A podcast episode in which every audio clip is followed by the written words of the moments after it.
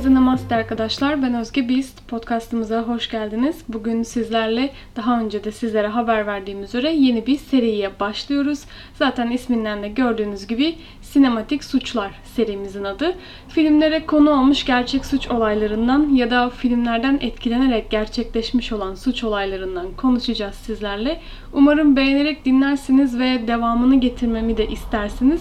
Böylece hem gerçekten bir seri haline gelmiş olur hem de belki aranızda eğer 30 dakika boyunca aynı olaydan konuşmamdan sıkılanlarınız varsa sizler için de hızlandırılmış 4-5 olayın aynı anda konuşulduğu ama sonlarını öğrenemeyeceğiniz keyifli bir alternatif olmuş olur diye umuyorum.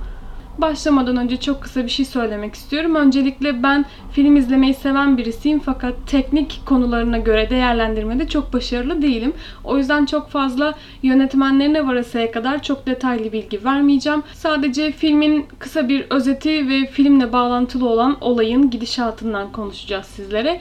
İkincisi çok fazla sonlarını söylemeden bilgi vermeye çalıştım. Umarım o verdiğim bilgileri de çok bulmazsınız ve çok fazla ipucu vermiş gibi olmaz size. Ama eğer öyle düşündüğünüz durumlar varsa ya da değiştirmemi istediğiniz bir anlatım tarzı varsa onu da ben yine Instagram'a bu bölümle ilgili bir post koyacağım. Oraya yorum olarak bırakabilirsiniz.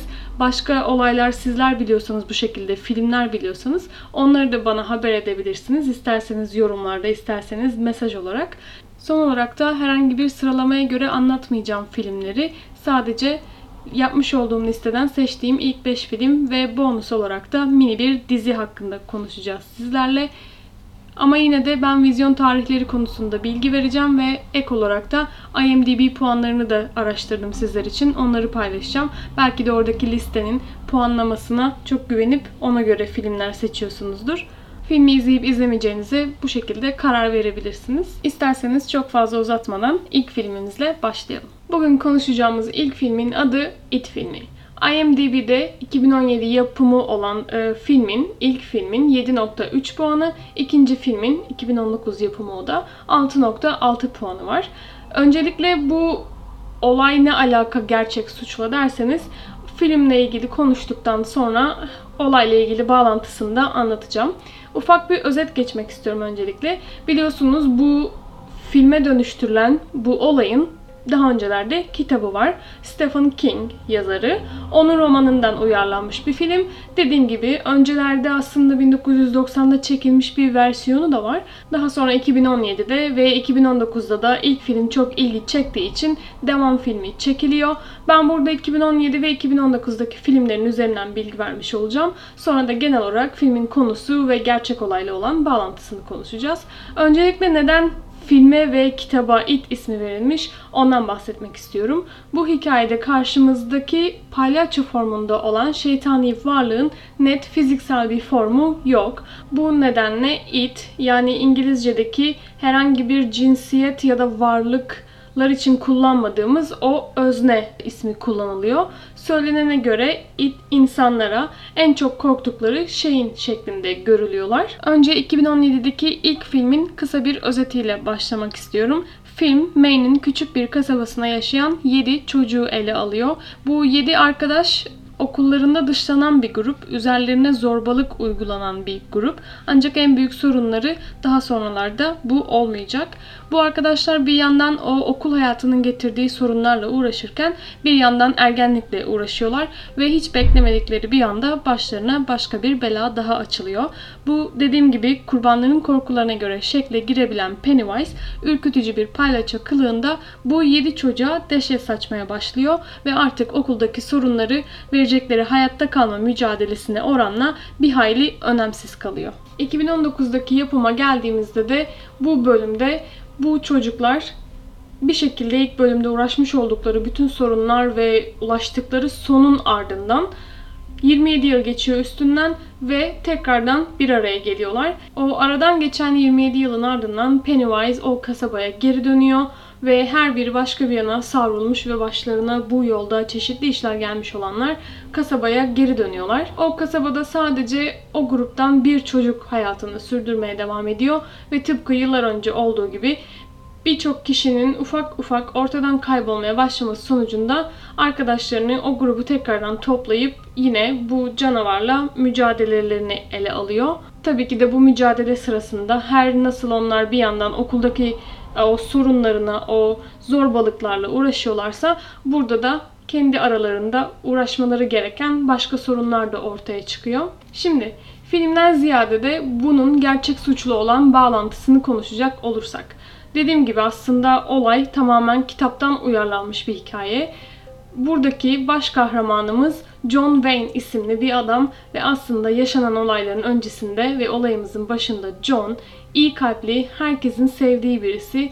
Gençliğinde hastanelerde çocukları eğlendirmek için gönüllü palyaçoluk yapıyor. Sonralarında da bunu kendine bir görev haline getiriyor ve yaşamını bu şekilde geçiriyor. Fakat onun çocukluk zamanlarına gidersek öğreniyoruz ki 11 yaşında başına salıncak çarpması sonucunda ağır bir şekilde yaralanmış. 16 yaşına gelinceye kadar da bu çarpmanın onun üstünde bıraktığı etkilerle orantılı bazı hafıza kayıpları yaşıyor. Ama kesinlikle mizacında bir saldırgan davranış olarak üstüne bir etki bırakmamış bu olay. Kimse de böyle bir şeye şahit olmamış daha öncesinde. 1968 yılına geldiğimizde de olaylar biraz farklı bir yönde ilerlemeye başlıyor onun için. Çünkü çalıştığı iş yerinde bir erkek çalışanına tacizde bulunuyor. Bununla beraber ona karşı olan bakışlar da değişmeye başlıyor. Bu suç yüzünden 10 yıl hapis cezası alması isteniyor ve büyük ihtimalle bu daha önce de bahsettiğimiz Amerika'nın yargı sisteminde olan parol dediğimiz şartlı tahliye kuralları çerçevesinde 18 ayın sonunda serbest bırakılıyor. Ama bu onun evlilik hayatında da çok büyük değişikliklere sebep olmuş ve karısı onu terk ediyor. Daha sonra doğduğu yere dönmeye karar veriyor John ve Chicago'ya taşınıyor. Orada yaşamaya başlıyor. Bir süre sonra yeniden evleniyor ve sonraları da aslında o eskiden yaptığı iş olan paylaçoluğa geri dönüyor.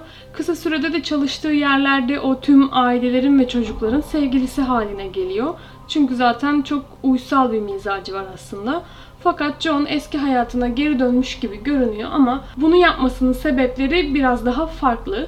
Çalıştığı ailelerin ve çocukların güvenlerini kazanıyor demiştik başta bu süre boyunca ve bu ailelerin erkek çocuklarını daha sonralarda evine davet ediyor ve savunmasız olduklarını gördüğü anlarda da bu küçük çocuklara hem cinsel olarak saldırmaya başlıyor hem de sonrasında onları öldürüyor. Bunu çok sık yapmaya başlaması ve bölgedeki kayıp çocuk vakalarının da çok hızlı bir şekilde artması sebebiyle bu durum polisin dikkatini çekiyor. Tabii ki de birçok aile bunun, bunun hakkında şikayetlerde bulunmaya gidiyorlar polise ve çocuklarını arıyorlar.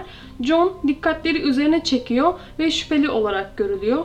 Çünkü o bölgeye en son taşınan ve onun gelmesiyle başlayan bir olay silsilesi var aslında. En sonunda John'un evine bir operasyon düzenleyerek arama yapıyorlar. Çok da fazla kanıt bulabilecek, bu şekilde kanıt sayılabilecek şeyler bulamıyorlar evde. Ama şöyle bir ayrıntı var ki evin bodrum katından bazı kokular geliyor. Polis bunun sebebini patlamış bir kanalizasyon borusu olduğunu düşünüyor. Zaten John'dan da bu şekilde bilgi alıyorlar. Ama bunu yine de geçiştirmiyorlar. Tüm ihtimallere karşı Bodrum'dan örnekler alınıyor ve haliyle sonucunda da bu şüphelerini haklı çıkartacak bulgular bulunuyor. Alınan örneklerde insan kalıntılarına rastlanıyor. John'un suçlu olduğu sonucuna bu şekilde ulaşılmış oluyor. Tüm bu kanıtlar sonrasında bu sefer daha fazla şey bulma umuduyla polis John'un evine ikinci bir operasyon düzenliyor ve bunun sonucunda da bodrum katının duvarları içinde gömülü çocuklar buluyor. İşlediği cinayetleri itiraf ediyor sonrasında John. Evinin bodrum katı haricinde başka çocukları öldürüp cesetlerini sakladığı yerleri de polislere söylemeye başlıyor, itiraf etmeye başlıyor. Ve bu vahşi seri çocuk cinayetleri John'un yargılanmasının ardından verilen kararla 1994 yılında idam edilmesiyle hayatını sonlandırmış oluyorlar. Ama filmdeki karakter olan Pennywise ve John arasında çok büyük benzerlikler olduğunu düşünüyor insanlar. Zaten bu da onun da yapmış olduğu meslek ve çocuklara saldırısı ve onların hayatlarını cehenneme çevirmesi durumunda ilerleyen bu döngü bir şekilde insanların bu iki olayı birbirine bağlıyor olmalarına sebep oluyor. Büyük ihtimalle John'un bu kitaptaki olaylardan etkilenip bu tarz bir olay işlediği sonucuna varıyor insanlar. Bu arada Joe'nun tam ismi John Wayne Gacy. Onun hakkında çekilmiş bir film daha var. Tamamıyla onun hayatını anlatan. Biyografi tarzında bir film. 2003 yapımı. 4.7 gibi bir puanı var IMDb'de. Biraz düşük. O yüzden onu oraya eklemek istemedim. Zaten burada ben onun kitaptan etkilenerek bir suç işlediğini düşündüğüm için bu bakış açısıyla anlatmak istedim sizlere.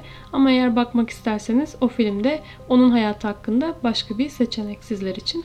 İkinci konuşacağımız olayın iki ayrı filmi var. Bunlardan bir tanesi An American Crime. IMDb'de 7.3 puanı var.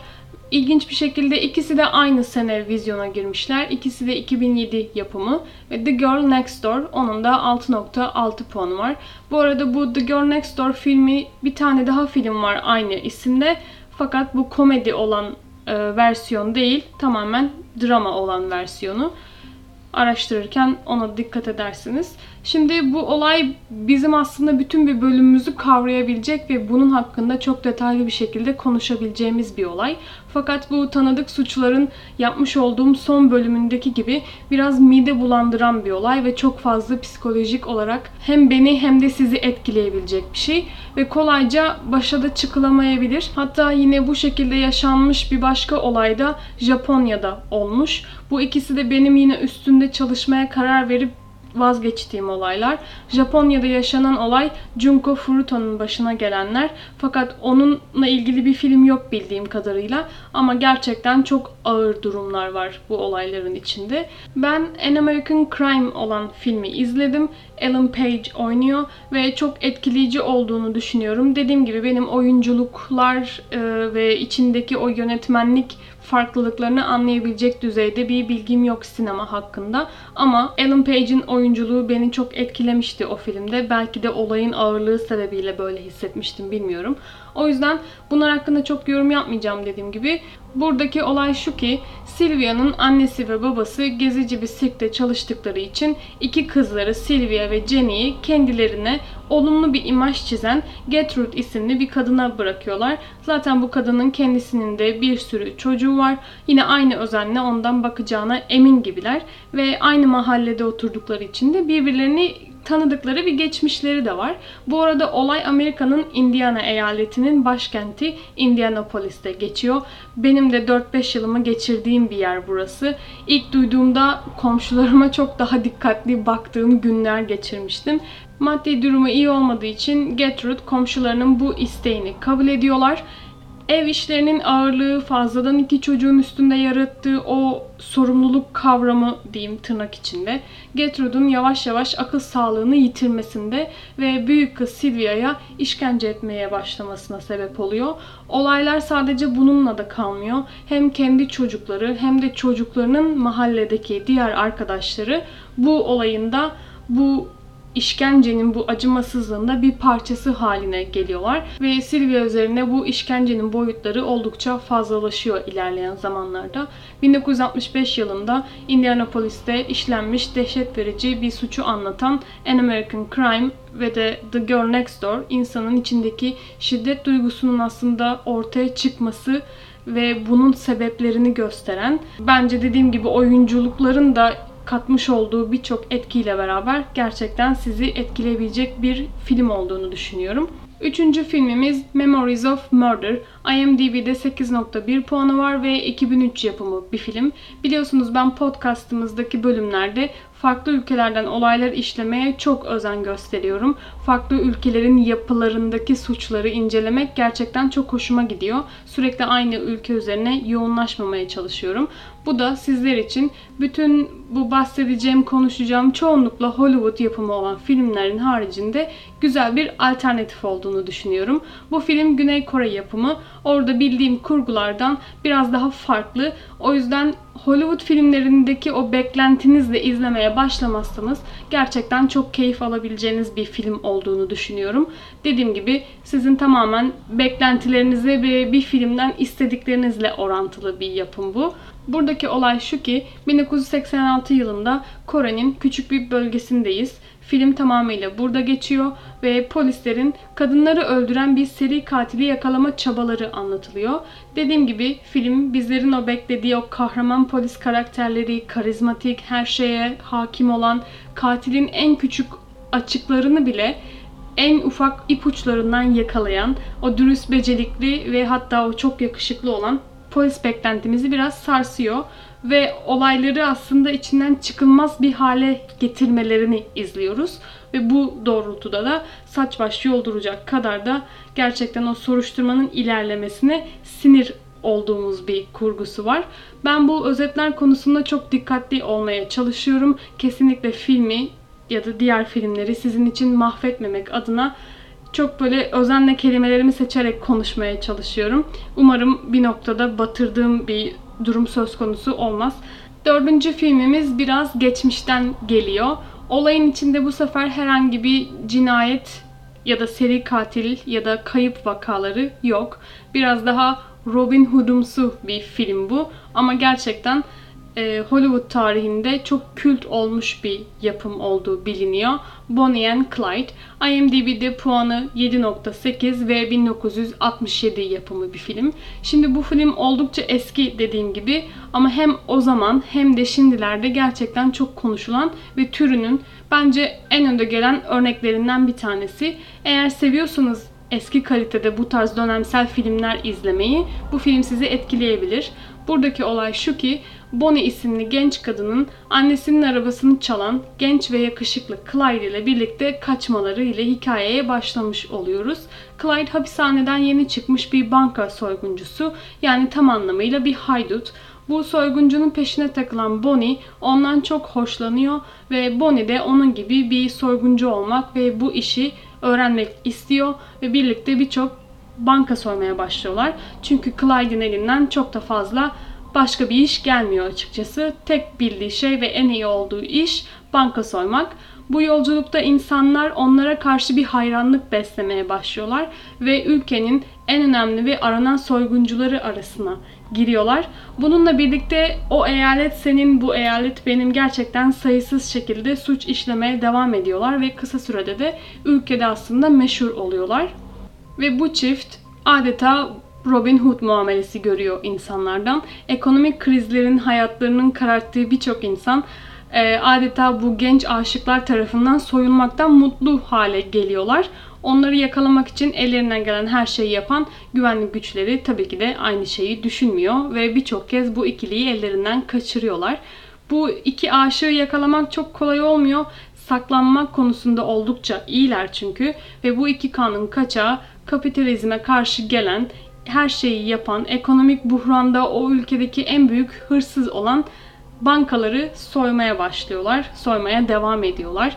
1930'lu yıllarında birçok bankayı soyuyorlar ve izlerini de her seferinde kaybettirmeyi başarıyorlar. Ta ki diye bitirmek istiyorum. Biraz oyunculardan bahsedecek olursam da Warren Beatty ve Faye Dunaway sinema tarihinin gerçekten en iyi filmlerinden birinin oynamalarının yanı sıra unutulmaz karakterlere de hayat veriyorlar. Hatta Faye Dunaway bu filmdeki Bonnie performansıyla en iyi kadın oyuncu dalında da adaylığı var. Ayrıca romantik ve komedi türlerinin de hissedilebilir derecede aktarılması ile son zamanlarda izlediğim en iyi filmlerden biri olması için bence çok yeterliydi. Beşinci filmimizin adı Black Mass. IMDb'de 6.9 puanı var ve 2015 yapımı bir film. Öncelikle film hakkında biraz özet geçeceğim. Sonrasında bu filme hayatıyla ilham olmuş olan kişinin hayatından konuşacağız. Bu arada tabii ki de film tamamen bu kişinin hayatı hakkında ilerlemiyor. Sadece onun hayatı üzerinden bazı esinlenmeler yapılmış. Orada gerçek olayda anlatacağım son ya da oradaki olaylar kesinlikle filmin içinde tamamen yer almıyor. O yüzden orada anlatacağım sonu filmle bağdaştırıp bana kızmayın. Filmin içinde Güney Boston'da büyüyen iki çocukluk arkadaşı olan James Whitey Bulger ve John Connolly yıllar sonra tekrar yolları kesiştiğinde aslında birbirlerini çok farklı noktalarda buluyorlar. Bulger Boston'daki İrlanda mafyasının önde gelen ismi, Connolly de FBI ajanı olmuş. Terfi alabilmek için de bölgenin diğer büyük bir gücü olan Angelio kardeşler çetesini çökertmek isteyen Connolly bunun için Whitey'den yardım istiyorlar ve rakiplerini alt edebilmek için o da bunu muhbirlik yapmayı kabul ediyor. Ancak bu tehlikeli işbirliği çok kısa süre içinde kontrolden çıkıyor ve bölge aslında tamamen kaosa teslim oluyor. Bu filmde hakkında 11 cinayet ve diğer suçlardan iki kere müebbet cezası bulunan James Whitey Bulger'ın hayatı konu alınıyor. Dediğim gibi tam anlamıyla her konu detaylı bir şekilde anlatılmıyor filmde. O yüzden ben şimdi size olayın gerçek tarafından bahsedeceğim. Buradaki olay şu ki Boston'da büyüyen Bulger genç yaşlarda The Shamrocks isimli bir çeteye dahil oluyor. Araba kaçırmakla başladığı çete faaliyetlerine banka soygunlarına kadar uzanarak devam ediyor. İlk olarak gençlik yaşlarında tutuklanıyor aslında. Fakat ilerleyen yıllarda tefecilik, kumar, gasp, uyuşturucu satıcı ve cinayet gibi suçlardan oluşan yani bunları yapan büyük bir çete kuruyor kendisi. Bir dönem silahlı soygun ve adam kaçırma suçlarından hüküm giydikten sonra San Francisco'daki ada hapishanesi Alcatraz'da hapse giriyor. Alcatraz'ı çok sevmiş olmalı ki daha sonraki yıllarda kaçak olduğu bir dönemde Alcatraz'ı turist olarak ziyaret edip orada fotoğraf bile çektiriyor. Bulgar faaliyetlerine İrlanda Kurtuluş Ordusu'na silah temin etme girişimine kadar vardırıyor. Yanında her zaman bir bıçak taşıyor ve soğukkanlılığı ve acımasızlığıyla ünlü birisi. Bir keresinde iki kadını çıplak elleriyle boğarak öldürüyor. Başka bir olayı da bir adama saatlerce işkence yaptıktan sonra başını otomatik silahla tarayıp delik deşik ediyor. El-Kaide lideri Usama Bin Laden'in 2011 yılında Pakistan'da öldürülmesinin ardından da FBI'ın en çok aranan kişi listesindeki ilk sıraya yükselmiş oluyor. James Bulger'ın kardeşi William bir dönem Massachusetts eyalet senatörüydü. William Bulger yıllarca kardeşi hakkında herhangi bir bilgisi olmadığı konusunda ısrar etse de kardeşinin kaçak olduğu dönemde onunla telefonda konuştuğu ortaya çıkınca 2003 yılında istifa etmek zorunda kalıyor. James Bulger 2011 yılında Kaliforniya'da uzun yıllardır birlikte olduğu kız arkadaşı Catherine'in evinde yakalanıyor. Yakalandığında 16 yıldır kaçak yaşıyordu ve 81 yaşındaydı. Bulunduğu evde 30 silah ve duvarlara saklanmış 800 bin dolardan fazla nakit para bulunuyor. Bulger'la birlikte tutuklanan kız arkadaşı Catherine de Minnesota'da bir hapishaneye gönderiliyor. 2013 yılında aralarında 1970 ve 1980'lerde işlediği 11 cinayetin bulunduğu çeşitli suçlardan hüküm giyiyor. Bulger aranırken FBI'ye muhbirlik yaptığı ortaya çıkıyor. Zaten filmde buradan esinleniyor ancak kendisi mahkemede bu bilgiyi reddediyor. ABD hükümeti ilerleyen yıllarda Bulger'ın cinayetlerini resmi kurumların gözetimindeyken işlemesi nedeniyle kurbanların yakınlarına yaklaşık 20 milyon dolardan fazla ödeme yapıyor tazminat olarak. Bulger'ın hayat hikayesi bunun haricinde başka filme de ilham verdi. 2006'da en iyi film Oscar'ı kazanan Martin Scorsese imzalı başrolü Jack Nicholson'ın üstlendiği Köstebek'te bu film. Altıncı ve son filmimizin adı Lost Girls. IMDb'de 6.1 puanı var ve 2020 yapımı bir film.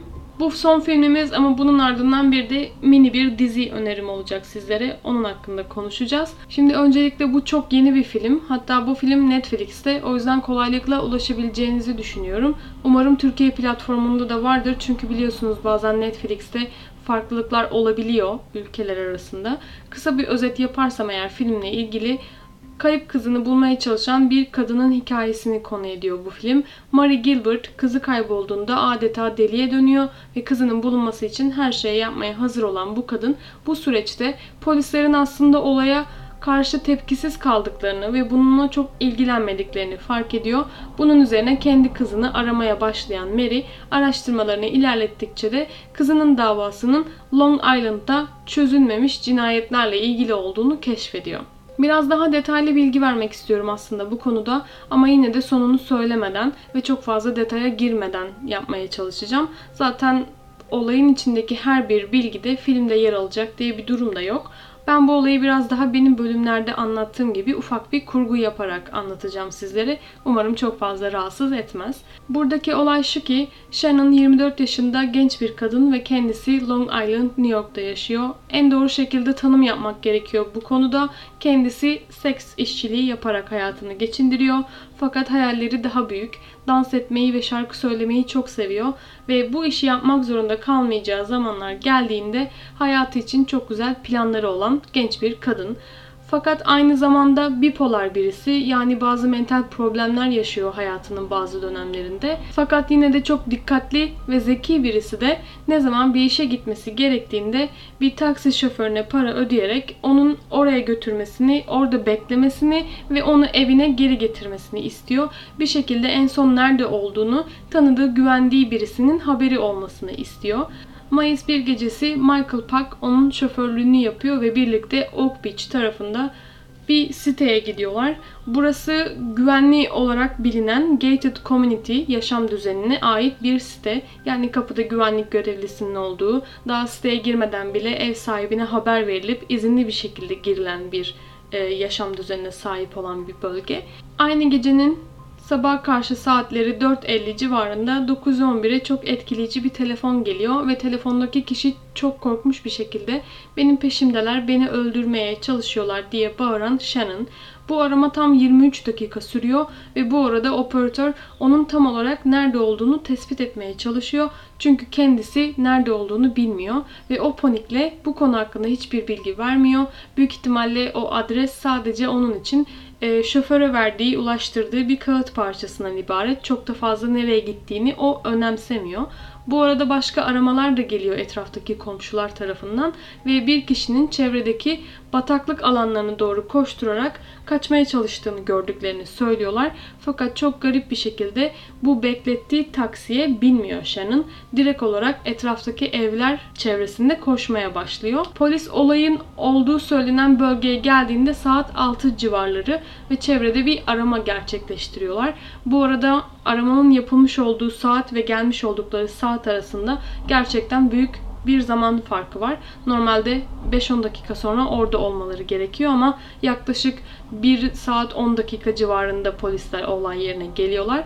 Geldiklerinde de zaten çevrede çok iyi bir araştırma yapmıyorlar. Çok yeterli ve özenli değiller bu araştırma konusunda.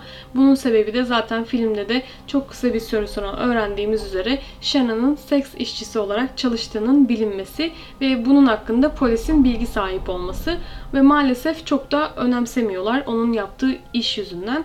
Bu arada Shannon kaçarken çevredeki birkaç evin de kapısını çalıyor ve onlara polise haber vermesi konusunda isteklerde bulunuyor. Fakat orada kalıp bu aramaların sonucunu beklememiş yani oraya sığınmamış. O sırada kendisi bulunamıyor ve polisin de çok fazla yapacak bir şey olmadığını düşünerek e, aramaları sonlandırıyorlar. Ailesi bütün bu olanlardan habersiz bir şekilde geçirdikleri iki günün sonunda Shannon hakkında kayıp kişi ihbarında bulunuyorlar. Fakat bu ihbar başka bir polis departmanına gittiği için Oak Beach'teki o aramayı yapan kişinin oluşturmuş olduğu dosya ve bu dosya birleştirilemiyor. Aralarında bir bağlantı kurulamıyor.